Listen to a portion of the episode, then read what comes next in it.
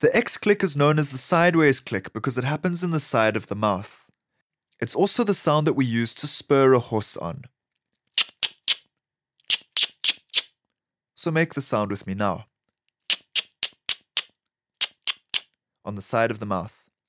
Basically, you press the side of your tongue against the upper side teeth and pull it away rapidly.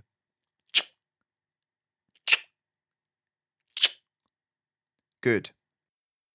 Now, the first thing we need to do is practice this clicking sound with the five vowels. And what we do is we exhale the vowel sounds in any language.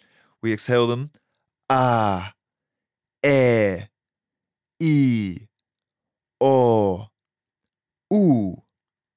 Okay, so what we're going to do is we're going to do just the click and then exhale the vowel sound. And we're going to keep them separate initially. So, for instance, ah, e, i, o, oo. Okay, now essentially what we do is we just get rid of that gap. So having made the click sound, we just continue to exhale the vowels. So, cha, he, chi, cho, chu. And this will become, with a little bit of practice, cha, che, chi, cho, chu.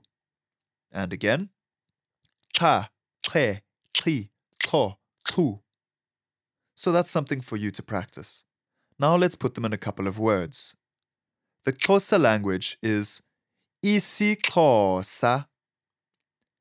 isiXhosa. A Xhosa person is umXhosa.